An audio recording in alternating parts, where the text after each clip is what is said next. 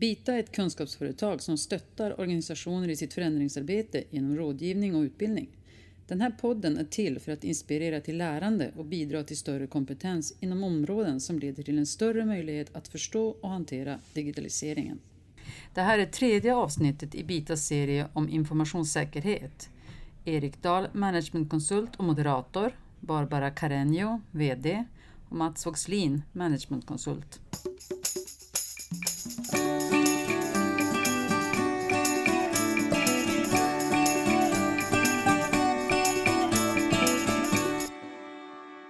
Hej och välkomna till Bita Talks med mig Erik och tillsammans med mig idag så är Barbara och Mats också här. Mår ni bra? Ja. Ja. ja. Hur mår du? Skönt att höra. Jag mår jättebra. Jag har haft en fantastisk sommar. Så nu är jag redo att eh, ta tag i den här hösten med, med allt vad det innebär och eh, jobba mycket med informationssäkerhet. Mm. Härligt. Sist vi såg så pratade vi om eh, varför man ska jobba med informationssäkerhet. Yes. Och nu tänkte vi försöka gräva lite djupare i frågan kring hur man egentligen gör det här. Mm. Komma in på de här roliga frågorna kring, var, eller kring hur och hur ska vi faktiskt praktiskt arbeta. Det blir lite mer konkret, eller Ja. hur? Mm. Vad, om vi börjar i rätt ände, så vad, vad, vad behöver man för förutsättningar för att jobba med informationssäkerhet på ett, på ett bra sätt? Om jag får börja spela in lite där så tror jag något som är jätteviktigt är att du har en, en tydlig målbild och en tydlig ambitionsnivå med ditt informationssäkerhetsarbete. Att du har tänkt igenom var du vill landa någonstans. Det tror jag är en första förutsättning. Absolut. Håller du med Barbara? Ja, självklart. Alltså man måste, absolut. Det, är- det är absolut den viktigaste förutsättning. eh, Så att man vet vart man ska, vart man ska på hela den här resan. Då. Eh, Sen så måste man ju ha någon som, som håller i arbetet. Man måste ha en ansvarig organisation. eh, Någon som driver det här arbetet framåt. Som känner, känner att det är ja, det ligger på, på hens axlar helt enkelt. Att inspirera och engagera och, och driva arbetet. Jag håller med om det. Jag tror att det är jätteviktigt som du säger. Att det verkligen finns några som känner ansvaret att eh, operativt se till att saker genomförs. Det tror jag också. Så det gäller att, Sen, eh, att man måste känna ansvaret också. Det räcker inte bara att peka ut ett ansvar för ett lyckat informationssäkerhetsarbete. Nej, du måste ju få med dig i verksamheten. Alltså, du måste ju känna, alltså inte bara de som driver projektet eller arbetet som ska känna ansvar utan det ska vara en, en fråga som, eh, som alla känner för och förstår. Och det är därför det är så viktigt att kommunicera målbilden. Eh, och då kommer vi in på att, att ledningen ska vara engagerad. Att det är ett, ett beslut eller ett engagemang från högsta ledningen så att man förstår vikten av det här arbetet. Det är också en otroligt viktig förutsättning. Det är väl som egentligen med alla former av förändringsarbete överhuvudtaget, eller ledningsarbete, att A och O är nästan alltid, att, eller är alltid ska jag säga, att ledningen är engagerad och med. Om ledningen inte ger tydliga signaler att det här är viktigt och, och sätter någonstans nivån för vad man vill uppnå så är det väldigt svårt att få med sig resten av organisationen. Så det tror jag är jätteviktigt. Mm. Mm. Eh, Skapa en förståelse allmänt. Ju bredare du kan få den här förståelsen av organisationen desto större, eh, eller bättre förutsättningar att du lyckas. Oftast är ju verksamheten eh, lite frågande till informationssäkerhet generellt. Om jag nu ja, drar väldigt sådär ja, generaliserar då helt enkelt. Då. Men, Det är det vi gör i det här forumet. Ja, precis. Ja, men om man generaliserar så har man ju, tänker man ofta i verksamheten att det är ju inte informationssäkerhet jag ska syssla med utan jag ska ju syssla med det som är kopplat till mina arbetsuppgifter och mina verksamhetsnära uppgifter. Så att eh, desto viktigare just det här med förståelsen och eh, skapa någon form av sense of urgency också. Mm. Men nu ser jag att man ska peka ut eh, vilken del av organisationen som ska vara ansvarig. Vad är er uppfattning? Vart bör informationssäkerhetsfrågorna hamna? Ja, alltså du... Oftast... Dels vart bör de hamna och vart hamnar de faktiskt det ni har sett hos organisationer där ute? alltså, led, hö- högsta ledningen måste ju ha ansvaret för inform, att informationssäkerhetsfrågorna eh, lyfts upp, att, de, att de drivs. Sen behöver det ju inte nödvändigtvis vara VD eller GD eller eh, administrativ chef som driver och genomför det operativa arbetet. Ehm, så det är ju upp till, det kan ju vara allt ifrån en kvalitetsansvarig till en säkerhetschef eh, som, som äger frågan. Ehm, sen så måste man ju ha involvering från alla i verksamheten, skulle jag säga. Ja, jag, skulle, jag skulle vilja trycka på det du säger, andra delen. Alltså ledningen är jätteviktig, eh, såklart. Men ska man lyckas och verkligen bli framgångsrik i sånt här arbete så förutsätter det nog att hela organisationen någonstans är med på noterna. Alltså det måste bli ett sätt att leva med informationssäkerhet i det dagliga arbetet. Du sa någonting här om att man har mina vanliga arbetsuppgifter och sådana saker. Jag tror att det är väldigt, väldigt typiskt hur man kan känna ibland. Att nu lägger man någonting annat jag ska göra som egentligen inte har med min vardag att göra. Mm. Men ska man uppnå en kvalitet i sitt informationssäkerhetsarbete så måste de här delarna bli lika naturliga i mitt jobb, i verksamheten, som alla andra saker jag gör.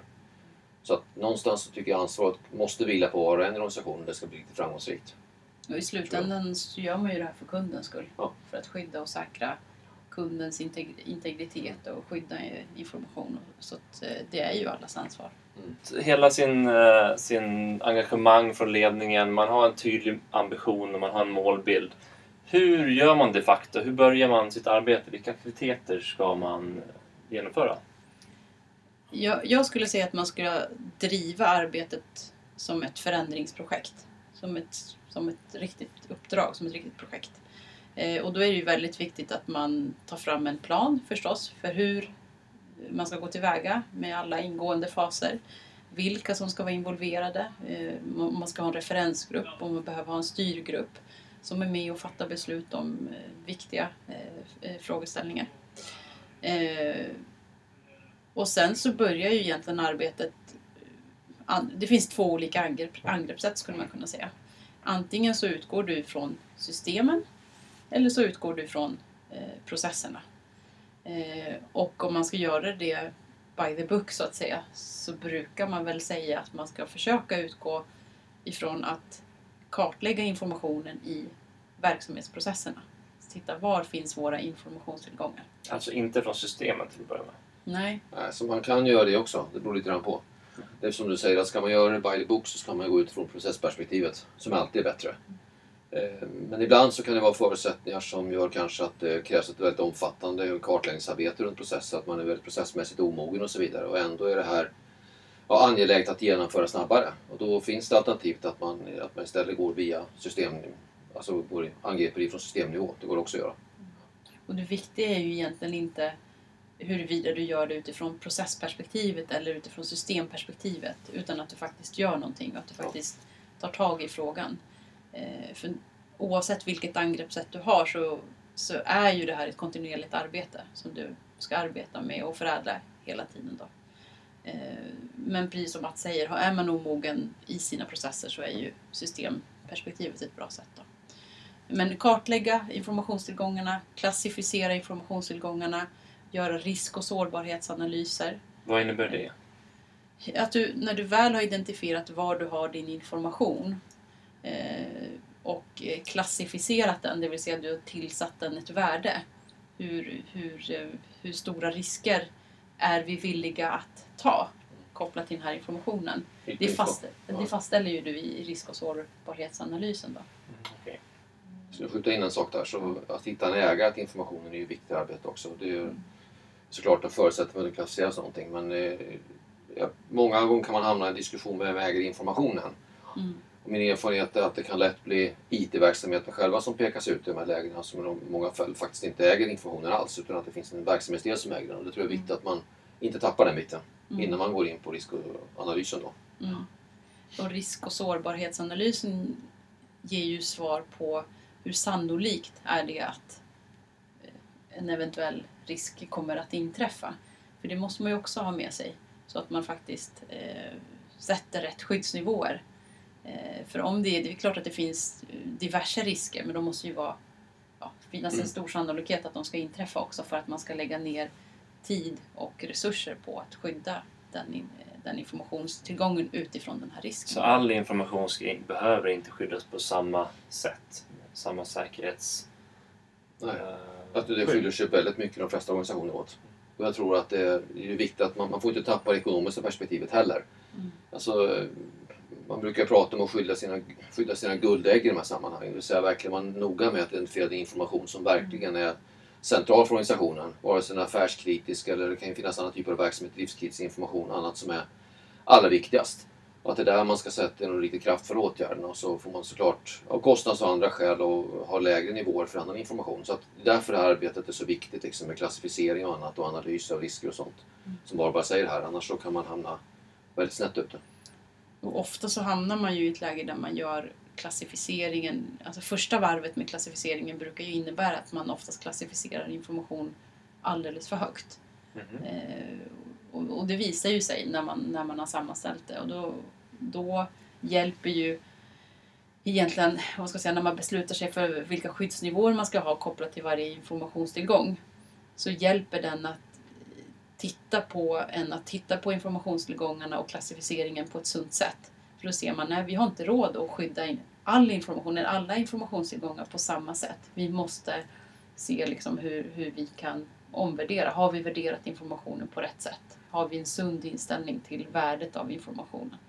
Så det, det här är ju ett iterativt arbete eh, att, att jobba med och jobba fram och, och bolla med verksamheten, involvera verksamheten och, och juridiken. Då. Jag kan bara skjuta in det, liksom det du säger här, verkligen förstärka min erfarenhet är precis likadan. Att eh, när man först ställer frågan till verksamheten från början så hamnar man oerhört högt i informationsklassning. Men när prislappen och andra saker blir tydligt då brukar det bli lite annat resonemang Mm. Och också rutinerna som det kommer Ja, medföra. precis. att man ska ha man väldigt högt klassad information och då går man tillbaka till, till, till verksamheten och berättar ja men då ska vi ha följande rutiner kopplat till, till Precis. de här informationstillgångarna. Och då får man ju oftast stora suckar. Mm. Att det är omöjligt, det finns inte tid och resurser och så vidare. Så att, eh, ja, men det, det är som en kontinuerlig eh, lärandeprocess att jobba Mm. med det här vartefter man tar sig framåt i, i arbetet med att kartlägga, klassificera, göra riskanalysen, sårbarhetsanalys och Så eh, det kommer bli ett ganska iterativt arbete. Man gör sällan rätt från början, eller? Jag tänkte precis säga att iterationer är ganska viktiga här. Mm. För Det är ju också viktigt att påtala att det är klart att det är precis som du säger att man kan skapa arbete, alltså rutiner och processer som blir så omständliga i informationshantering att det i praktiken blir jättesvårt att och, och liksom realisera dem. Samtidigt får ju inte det styra heller. Är det kritisk information måste det ju hanteras enligt regelverket. Så det är, det är två aspekter. Liksom. Hela tiden måste man hitta rätt nivå. Så jag tror att ja, det är så. Och när vi har gjort vår risk och sårbarhetsanalys och vi har bestämt vilka åtgärder vi ska skydda vår information med. Mm. Vad är nästa steg? Är det att sparka igång det här projektet? Eller vad? Nej, alltså egentligen så det vi beskriver nu är ju någon form av kartläggningsfas som innefattar identifiera, klassificera, göra risk och sårbarhetsanalysen, hela den biten. Då. Sen kommer vi när vi har gjort läggningen och sen klassificeringen av informationen så kommer vi till att börja införa, alltså införa eh, rutiner, skyddsnivåer kopplat till informationen, alltså förankra, etablera det här i, i organisationen. Eh, och göra det antingen i, i ledningssystemet som redan finns eller att göra det, liksom få, ja, etablera de här rutinerna genom att formalisera i dokument och policies och arbetsprocesser och så vidare. Jag tänkte bara skjuta in det du sa. Är det dags att sparka igång projektet? För mig så är de här delarna en del av ett sammanhållet projekt. Jag tror att man ska tänka sig ett projekt redan från kartläggningsfasen. Jag tror det är viktigt att man har en, satt en struktur och en plan för arbetet som omfattar även de delarna från början. Eh, faktiskt att redan kartläggningen ska ingå i, en, i projekt och i en handlingsplan. Tror jag. Vad, vad tror ni om, kommer det här eh, innebära att man måste tillsätta nya roller till exempel? Eller klarar man sig med det man har? Det beror, man anställa?